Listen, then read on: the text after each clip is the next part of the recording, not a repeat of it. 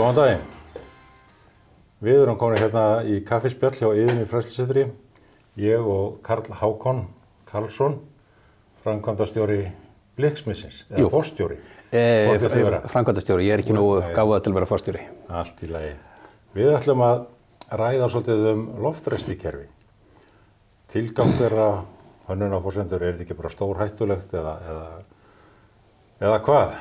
En uh, Karl Hákon er sérfræðingur í þessum málum og, og veit svona, já ég myndi að segja allt, allavega hefur hann svör við öllu. En, uh, Kalli, hvernig er þetta með hérna loftræstikerfi? Eða áður fyrir að þurftingir helst loftræstikerfi? Ég sko, það er Það var náttúrulega, brotna glöggum, ég sko, það er náttúrulega margþætt fyrir það fyrsta að, að það er náttúrulega kannski, fólk hafði nú almennt skýtt, þannig að þú hefði frekar áhuti og ættir nógu í að geta og það var kallt, það hefur kannski minni áhugjur á loftarsingu, en þegar þessar grunnþarfir eru komin á sinn stað, að þá kannski gerum við grein fyrir að það eru önnu vandamál til staðar. Og svo er náttúrulega hitt sem er að, að í þá daga þá voru hús fádama óþétt. Það blés í gegnum þetta. Og þar að leiðandi loftræstu húsin sér sjálf. Já, þannig að í dag þá eru hús bara byggð þannig að þau eru miklu þéttari og þar að leiðandi þurfa þau loftræstingu. Má rétt sko, en ef eftir á móti við, við byrjum að byggja náttúrulega hús hérna upp á 1940 og fljótlega eru, húsóðin svona mun þéttara heldur en við þekktum í þegar við byggum í torkomur og slíku. En samt sem áður að, að semst, svo hefur þetta smátt og smátt eh, verið að húsa verða þéttara og þéttari og svona svo breytist byggingar hefur verulega mikið fyrir svona cirka 20 árum síðan þegar við fáum þessa semst, álluga sem eru með svona gúmiþéttingum og þá voru það hurðir sem eru samskonar og þá eru íbúðir eða húsnæði orðin mjög þétt og þá eru engin, af, engin loftskipti af ytri völdum. En hvaða, hvaða afleiðingar hefur þetta þetta er svona þétt? Það er náttúrulega, það eru margþættar. Fyrir það fyrsta að uh, þá hefur þetta bara bein áhrif á líðan fólks. Það er að segja, við þurfum jú súrefni til að anda að okkur, því að það er partur af því að, semst ég bara af því við erum brunnavélar og við þurfum súrefni og svo hitt að við öndum frá okkur CO2 og, og semst öðrum óheppi, óheppilegum loftegandum, til dæmis CO líka, semst kolmónusíði og hvort vekja í eh, semst veldur okkur skada í tölvöld miklu magni. En svona nú er mikið hérna fjallað um í, í dag um uh, myglu í húsnæði og uh, er þetta einhver partur af því? Jú, jú, vissulega rétt. Að part, yfirleitt til þess að mikla þrýfist þá þartu, þú þart mikinn raka og þú þart hýta og sömulegis staði loft. Þannig að ef við loft ræsum vel að þá erum við að vinna á móti því að, að mikla myndist. Auðvitað gera það eitt og sér dugar ekki til ef þú ert með alla aðra eðlstætti að þá, sem, þá, þá hættir ekki mikla þó loftræsum. En þetta er partur af lausninni að loftræsa vel. En hvað með, með svona hluti nú er oft verið að, að hérna, taka lofti sem við erum með og endurnýta, senda það inn, erum við ekki að senda fullt af bakteríum og, og öðru slíku aftur inn í, inn í kerfin? Sko það, það er nú svo sem sko arfur liðina tíðar að við gerum þetta. Þetta er, var notað í hérna fyrir svona 20 árum, 20-30 árum síðan að þá voru menn að gera þetta til að blanda saman inn í útilofti til þess að hérna minka orkukostnað. Þá var, semst, var þetta í staðin fyrir þess að við ný- nýtum, erum notum svona varmaendunslubúnað í dag. En þá náttúrulega var líka hannað með annað að leiðaljósi að þú horfir alltaf á ferskloftörfina því að hvað er með mikið af fólki og hvað þarf ég mikið af fersklotti fyrir þetta fólk. Þannig í raun þá eru kannski kerfin stærri heldur en þurft að vera út af þessum upplöndunar eiginleika en þetta er aftur á móti, þessi nótkun er á leiðinni út og það er mjög lítið af nýjum kerfum sem er verið að gera með þessum hætti. En uh, eins og við talaðum áðan, eh, loftræsting og vellíðan fólks, er einhver önnur áhrif sem að loftræstingin getur haft á fólk? Sko, það er nú eh, sko, svolítið skemmtilegt að það eru til fín, mjög fína danskar rannsóknir um það að þú fær reyna og klára framleiðinu aukningu. Það er að segja ef að fólk er í sæmilugu lofti og sæmilugum hitastíi og semst, í kjör aðstæðan fyrir sig að þá getur þú verið með framleiðinu aukningu á fólki upp á svona 7-8%. Þannig að uh, þetta og svo náttúrulega hitt líka, þú ert með sæmilega ánátt af sátt vinnufólk, eða semst vinnuafla þá svo sem gengur allt betur Þetta er partur á því. Við erum mun geðbetri ef það er sæmilegt loftslag. Já, já, það skýrir margt. Það skýrir margt, já. Þannig að þess vegna er ég svona glæðlindur og Já, kátur sér til að ég lifi alltaf í góðu lofti. Akkurat. En hérna, hverju erum við með þessa varma endurvinnslu og er ekki bara nóg að hafa gólfhita eða opna? Ég, sko, já, sko, í sjálfu sér, þetta er náttúrulega bara partur af því að, að nýta orkuna betur. Og ef ég gefi þér möguleika á því hvort þú vilt borga tíkall fyrir að kynda eða túkall fyrir að kynda, þá er spurning hvað þú velur. Þar sem þú ert skynsama maður, þá reiknaði mig þú veljir túkallin. Það er að segja að varmaendurvinnsla gengur út á það að við erum að nota varman sem er í inniloftinu sem við draugum út til að hýta loftið sem við blásum inn og gegnusneitt erum við með varma endurvörslu búnað í loftarsingum í dag sem er með nýttni upp á 70 til 80%. Þannig að ef við segjum 80% að það svo auðvilt að reikna með því, við erum góður í áttasundöflunni, að þá hérna, að þá kostar í raun, alveg eins og segði áðan, í staðin fyrir það kosti tíkall, þá kostar það túkall. Ok, en hérna, uh, hvað með loftkælingu? Akkur ekki, ekki, er ekki þörf á því hér á Íslandi? Ég sko, þá, fyrir svona 25 árum, þá var almennt séð loftkæling eða kæling innan þeirra ekki notuð. Og það er náttúrulega, það er nokkrar ástæðu fyrir því. Einn er svo að, jú, að, að þá vorum, sérst, við vorum kannski ekki jafn upptekin af þessu inni klíma eða sérst, inni loftslagi eins og við erum í dag. Það er að segja, það varð bara heitt og þá svitnaður og svolítið svo hættar að verða heitt. En auðvitað dróð það á afkvöstum og það er ekki gott og það er líka, það er náttúrulega bara partur af þessum vellíðun að fólki líði sæmilega þess að það er að vinna. Og svo er náttúrulega annað sem hefur gerst líka og það er það að í skrifstofuhúsnaði sem við verðum að nota það er ju gætnan verið að stapla fólki frekar þétt saman. Í típisku skrifstofuhúsnaði máttu reikna með svona 6-7 fermetrum á mann og meðan að þetta var, var rýmra í árdaga. Svo kemur það að þú ert sömulegis búin að, semst, það er meiri lýsing, lýsing gefur á sig varma og það er sömulegis meiri tölvubúnaður.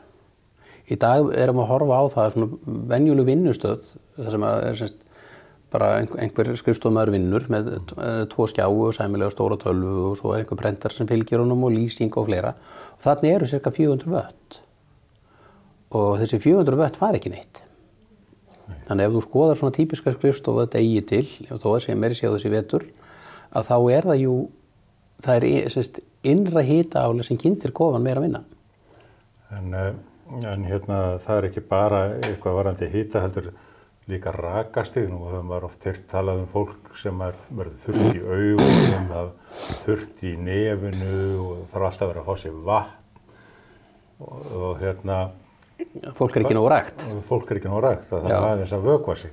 Jú, það er, það er, það er til lífsa leið til þess, mér er svona undir skemmtilegar og allt það og en, en án, ángríns að þá náttúrulega þá er talað um kjörrakastig og kjörrakastig liggur einhvers staðar kannski 35 til 40 prósent og það er svona, það er, það er svona loftræki sem okkur líður sæmilega við en, en svo er þetta með að sko þegar að tala um loftraka í prósentum þá er það pínlítið villandi fyrir hinn almenna neytanda vegna þess að að hæfileiki lofts til að halda í sér raka, hann breytist eftir hitastígi.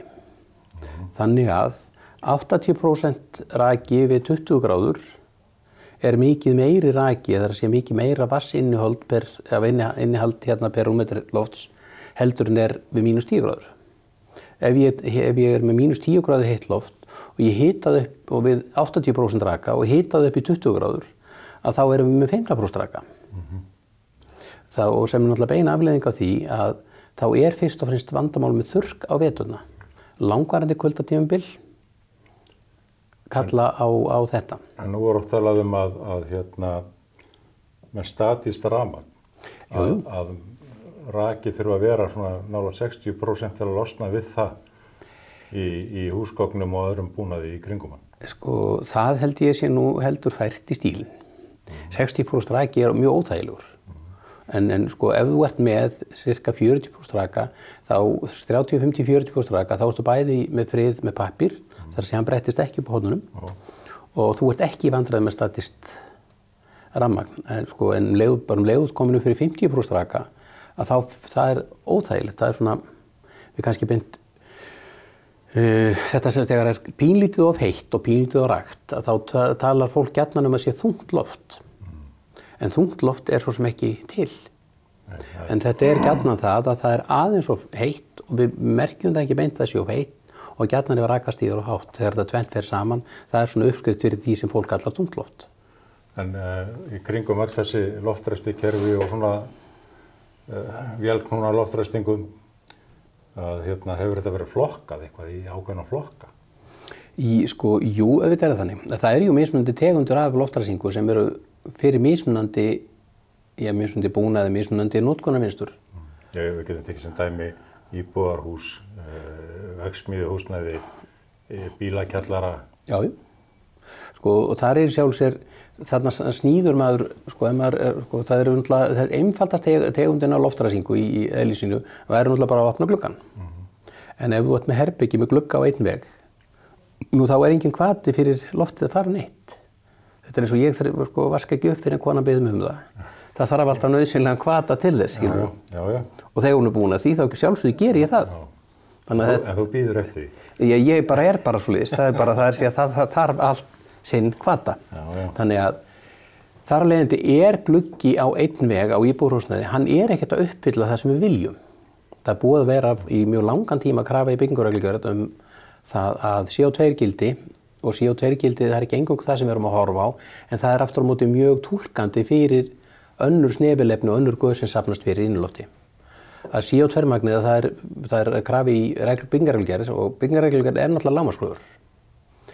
Að þar má CO2 magnið ekki fara yfir í 800 ppm sem eru það partar, sem miljónustu partar að meðaltali og topparnir ekki yfir 1000 ppm og í venjulegu svefbergi þar sem að tveir sofa og það sem er gluggi og ég tala ekki með ef hann er lokaður að þá er ppm gildið kannski 2004 til 2600 á mótni og það er ju fylgni á milli þess í hvernig við loftið sofum og hvernig við kvílumst.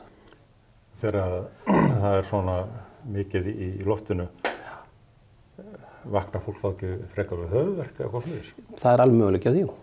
Ég ætla ekki að segja að það er ekki algilt en það er alveg möguleik á því. En svo ég haldi áfram að svara spurningun á þennum, flokka loftarskerfa, að þetta er semst, einfaldasta útgáfan er alltaf opna glugga. Svo kemur þetta sem er típist notað í húsum eða var gert í eldri íbúrhúsum og blokkum, að það er útsókt tekið af úr votrýmum sem eru þá sælerni, þvóttahús, eldhús og svo er loft einhvern veginn tekið inn til mótvæðis og eins og það var í, gætnan í gamlu dag eins og bara í, ég er, alveg upp í brjóttinu og þar var svona típisk blokk með hérna með íst eftir timburglugga og enga þéttingar og gluggum þannig að það blés inn um þetta bara.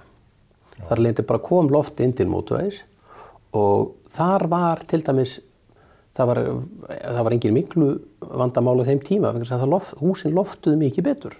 En var þá hægt á undirþrýstingi inn í íbúðan?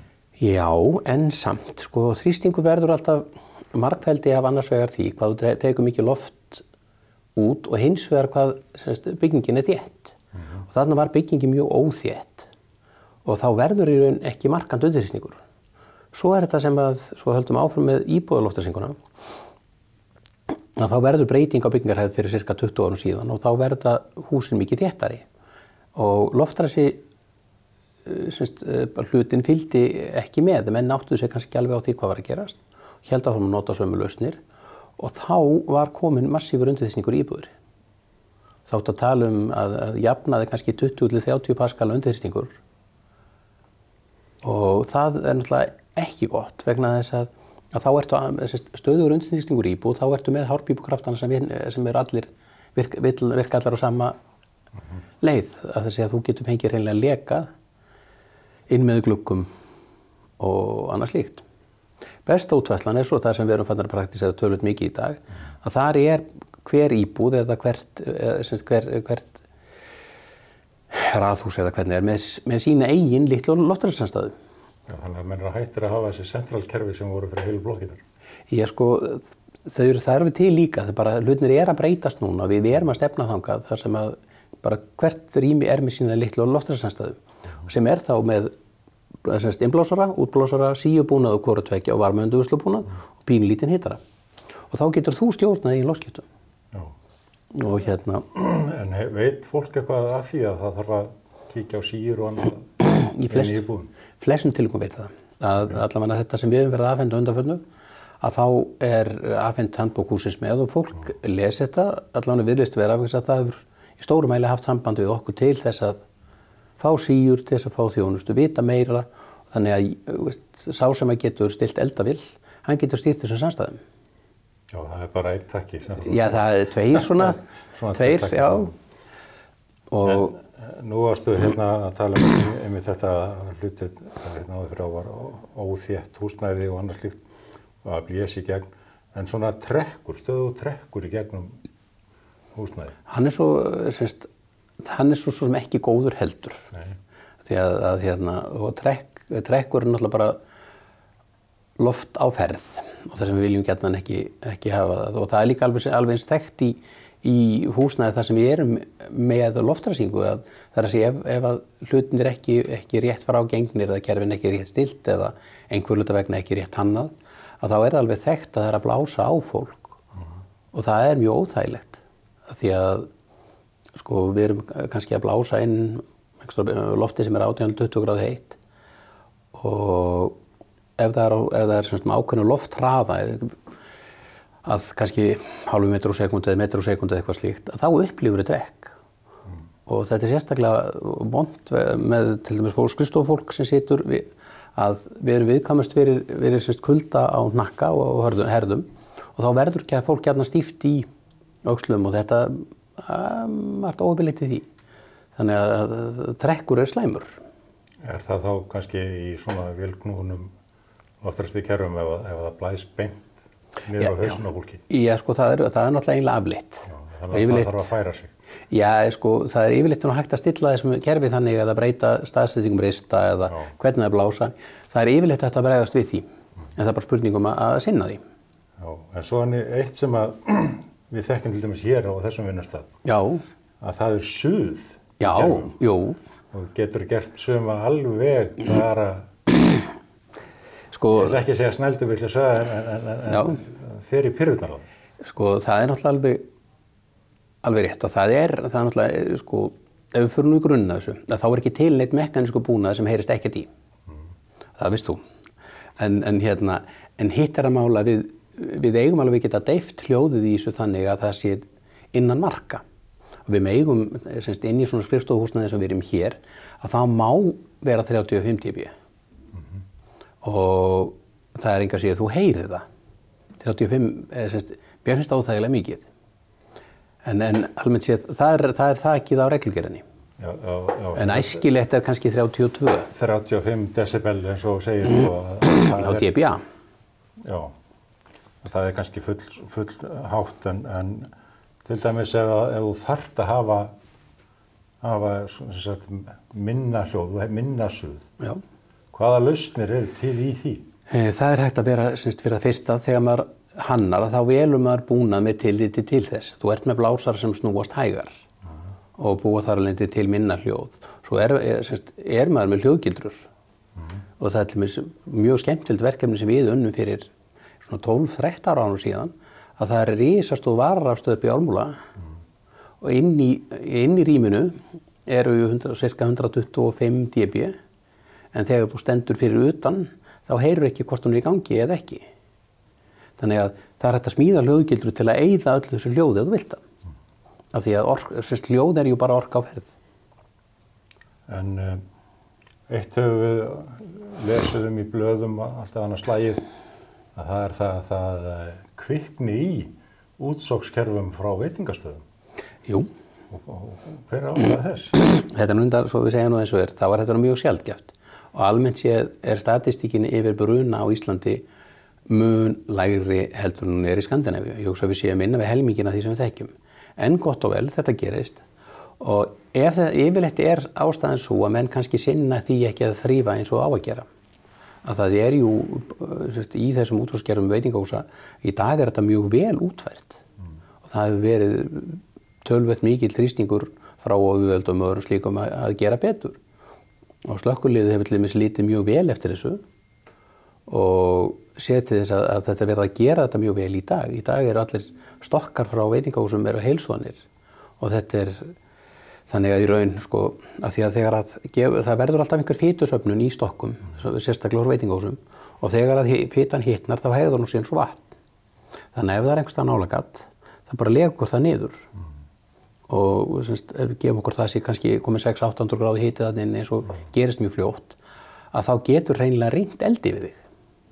Þannig að þetta getur verið mjög eh, semst, þetta getur verið mjög drastíst en, en almennt séð að, að þá er þetta ekki algengt í dag. Með við, ég ætla að ef við skoðum Skandinavíu þá erum við kannski með já, 10% af því sem þeir eru með þar.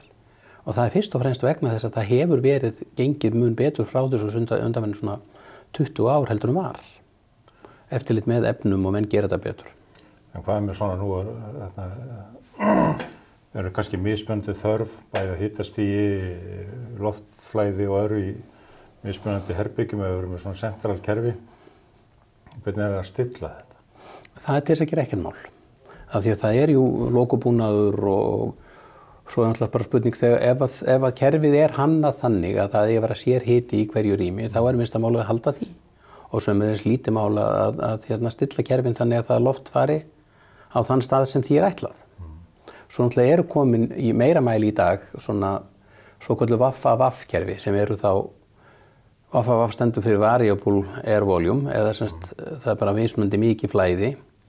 Og þá erum við að fá þegar þarf, þörfin er til staðarinn í herbyggjunu, það er þá annarkot CO2 nemi eða hitanemi annars lít sem að gefur bóð og þá kemur meira loft sem er þá annarkot í kælingar eða til loftrasingar og þetta er í auknum, þetta er í auknum, tölvöld mikið auknum mæli að eiga sér stað núna. Sérstaklega verða taka í gegn eldri hús og það er lítið pláss fyrir stokka og þá er þetta, gætna, þetta löst sem er gætnarnótuð en, mm. en einfaldarsverðarspurningunni er það er það er lítið mál að stilla þetta, þannig að velfari mm og hérna, en svo er spurningum að, að jú, fylgja því eftir að sé gert. Svo er annað sem gleymið stundum líka að, að það er jú alls eða húsnaði breytt og, þýr, og þá breyta menn gætna stokkalögnum og öru slíku en oft eða yfirleitt gleymist að það, það er nú kannski verið skynsanlegt að stilla kerfið upp á nýtt með tillit til breytara notkunar. En hvernig er það með svona með svona hérna já, þjónust í kringum þetta að þrýf á kerfunum innan eða fullt af fyttu og ríkjum inn í kerfunum. Já sko þetta er náttúrulega þetta er svona tvöfull spurning sko. Nú ef það er fytta í kerfunum að það er vegna þess að þetta er þá útsók frá veitingúsum og almennt séð þurfa veitingúsum að þrýfa einu svona ári. Einu svona ári? Já. Mm. Í svona vennilegu íbúðurhúsi? Í vennilegu íbúðurhúsi að þá svo sem þá er þetta aftur, þetta er aftur flókin spurning. Ef við erum með gamaldags húsóskerfi, mm. þá svo sem erum við ekkert að gera neitt mikið við það. Það er ábyggileg ekki galið að þrýfa það á kannski 8-10 ára fresti. Mm -hmm. En svo aftur á móti, ef þú er komið nútímalegt kerfi sem er bæði inn og út, mm -hmm. nú þá ertu með síur Já. og þá skiptir bara um þær tviðsor ári. Og eða semst, og getur ímest, fólk getur ímest gert það sjálf, þá fundir þú út úr því. Eða henn reynilega vera með þjónursamningu við eitthvað fyrirtæki sem að gera það sem er ekkert galið vegna þess mm. að það tryggir að það sé gert. Já, en, en nú er til dæmis eins og, eins og hefur verið bara hér í þessu húsnæði mm. að þegar þetta var gert á sex mánuða fresti þá voru síðan svo proffullar að drullu að það var erfitt að, að, að hérna, ég ætla nú ekki að segja anda hérna inni en... Nei, en, en, það er betra anda, betra anda frá sér en að. Já.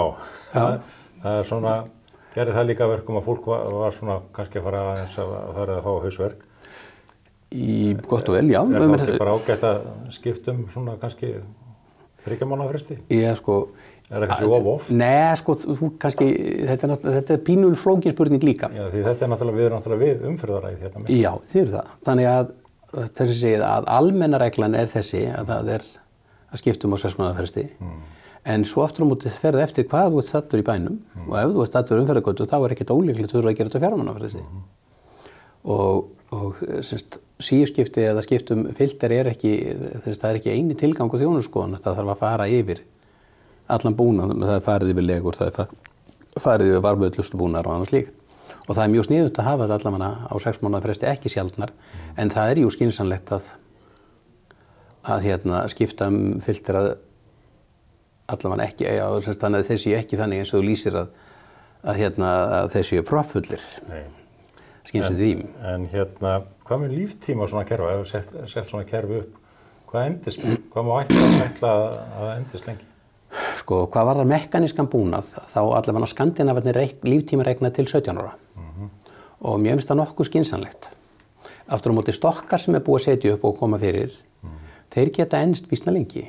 Hún getur þess að horta á, ef að eðliða tilgangur húsnæði breytist ekki, getur stokkakerfi alveg ennst í 30, 50, 40 ár.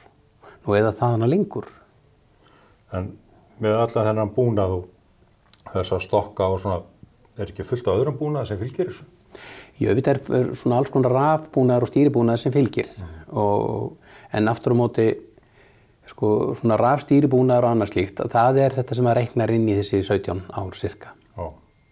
Og þá hefur það líka verið annað að það er jú framfærir bæði í mótorframlegslu og blásaraframlegslu og menn er alltaf að skilur þróa búna þannig að það er orðin hagstaðir, hann, hann nýtir betur og þar með skilur ef þú ert með segjum bara 20 ára gamla mótora sem eru orðinir sem að sérst, voru bara bad þess tíma ef þú getur sett inn mótor sem er kannski með 15-20% meiti nýtni. Og það borgar sér heim skilur, þannig að þú, þú, kannski býður ekki eftir því að, að, að viðkomandi búnaðar hans sé ónýttur í höndunum á þér. Heldur á ákveðnum tímpunkti að þá getur verið skynsanlegt að skipta hann út bara út á resturskostnaði En uh, segja mér hana, velja, svona áður en við hættum þessu, svona kannski tvær til þrjá spurningar í viðbútt. Hverjir eru það sem eru að hanna svona loftræstikerfi? það er náttúrulega helstu verkvæðarstoflan sem sér í því. Já, en uh, erum, er, það er ekki mjög margir praktisendi loftisjónuðir þetta hefur einhvern veginn ég mönnum finnst þetta kannski ekki jafnflott eins og margt annað. Nei, og svo hitt að þetta er jú svolítið snúið vegna þess að til þess að vera sæmilugur loftasöðunur þá þarftu bæði að skilja eigið fag þar að segja hvað, loftmagn, hvað þú þart og, og þrýstifall og allt þetta sem að tíf tilherir þú átt sömulega þess að vera ágættir í pípukerfum Númer þrjú, þú þarft að skilja rammagn sæmilega og þar fyrir þetta að vera sæmilur í burðarþóli þannig að þú getur diskuterað eins við, við burðarþólsönnuðin hvar þú ætlar að fara með röriðin og hvernig. Þannig en að hverjir eru það fyrst og fremst sem eru að setja upp svona kerfi? Nei, sko, það eru vantarlega einhverjar 10-12 starfandi bleiksmiður í dag sem eru þá mismunandi mikið og það varjera pílur frá fyrirtæki til fyrirtækis hvað menn sér hafi sig í en, en flestar af þessum stærri smiðjum það er setja blottaraskerfi og hafi gert það með ágætt ránugri. En það er líka eitt svona, svona allra síðustu spurningin. Það er uh, með brunahönnun.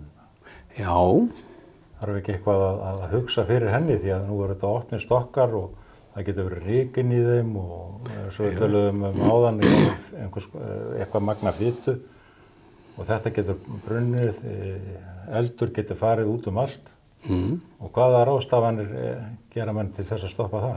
sko, þetta er aftur tvíþætt. Og þetta út ágættur ég að spyrja svona tví og þríþættur spurningar. Að hérna ef við tölum um, um, um þessi útsórskerður og veitingastöðum að þá setjum við ekki brunlokur í það. Aftur á móti þar sem að þau liggja í gegnum önnur rými að það er einangruðum með brunaeinangrun til þessi raun að neutralisera viðkomandi lögn frá því rými sem það líkur í gegnum. Og þá ertu búin að gera það sama en aftur á móti í venjulegu skrifstofukerfi að þá ertu með svo kallar brunlokur og það er uh, sem fá bóð frá brunakerfi hús. Og semst, ef, ef að það er þá semst, kemur aðvörunum bruna þá lokar, loka þær og kerfi slekkur á sér. Og jáfnframt með núgildi ræflgerð að þá eiga semst, á að pröfa hana búna líka ekki sjaldan heldur en einu sinni viku. Og það er breytingskemurinn í reglugjöf 2012 sem var til mikill að bóta. Það þýðir það að öryggið sem við erum að fara fram á og byggjum, það er til staðar þegar við þurfum að nota það. Þannig að til dæmis eh, skrifstofhúsnaði eins og hérna hjá okkur að við ættum raunverulega að tekka á þessu einu sinni viku.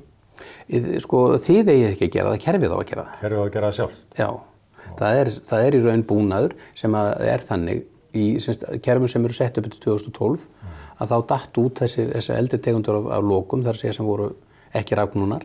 Þannig að einu sinni í viku þá keirir hver einasta loka sem milli endastöða og kvittar fyrir þegar hún er búin að loka og svo er hún búin að opna aftur og þá gefur hún kerfinu heimild til að ganga aftur. Og ef kerfið uppgötvar að það er einhver loka sem er ekki að gera það sem hún á að gera, þá slæra kerfin út. Þannig að þetta er raunverulega, Það það loka ekki allar í einu, þetta er einu í einu. Það er, sko, það er, það er enda að loka sér allar í einu Ok, en svo opnaðir sig í seríu til þess að og, og hérna eða sérst, það er að segja við pröfun við pröfum, já. já. en aftur á móti í brunnatilstandi að þá, náttúrulega- þá, þá tekur þú ströyminn af lokunum og það er loka allar í einu en aftur á móti við, við prófun að þá slæri þeim öllum út og svo er þetta mismunandi eftir kerfum hvort að þið grúpa sig upp 8 til 10 sem kerir sig upp í einu Ok. Já, ég kallar mig hörðu gaman að spjalla við bara fínt Flottar, hérna, flott svör hjá þér við alveg mjög, hvað að segja, gáðulegum spurningum. Eh, ákaflega, ákaflega er, En, eh, en þetta er nú eitthvað sem við höfum pælt í lengi. Það er einmitt eitthvað í kringum loftræstikerfi. En ég vil gerna þakka að kella fyrir komuna og hafa gefið þér tíma til að, að hérna, ræða við mig og segja mér svona sitt lítið að hverju um þetta allt saman. Og ég tala nú ekki um upptökufólkinu, nú er það margs fróðari. ég, ég sé að þau, þau eru svona alveg við það að sofna. En, en þetta er náttúrulega skemmtilegt fyrir þá sem eru, eru í þessu því að ég, svo- ég hef ekki gert neitt annað. Ég, öll mín 40 og eitthvað ár sem ég verið í vinnumarkaðan mm. eða sem frá því ég vinna, byrjaði að vinna 17 ára gammal hef ég verið í loftræsingum einum hætti. Og það er ennþá spennandi og ennþá skemmtilegt. Þannig að nýjungar. alltaf einhverja nýjungu, bara þú leifir þér að fylgjast með. Já. og þá segja ég bara takk fyrir að bjóða mér, bara gaman að heita ykkur og, og, og takk fyrir kaffið. Ekki málið. Þá þökkum við kærlega fyrir og segjum þessu bara lokið í dag. Takk fyrir það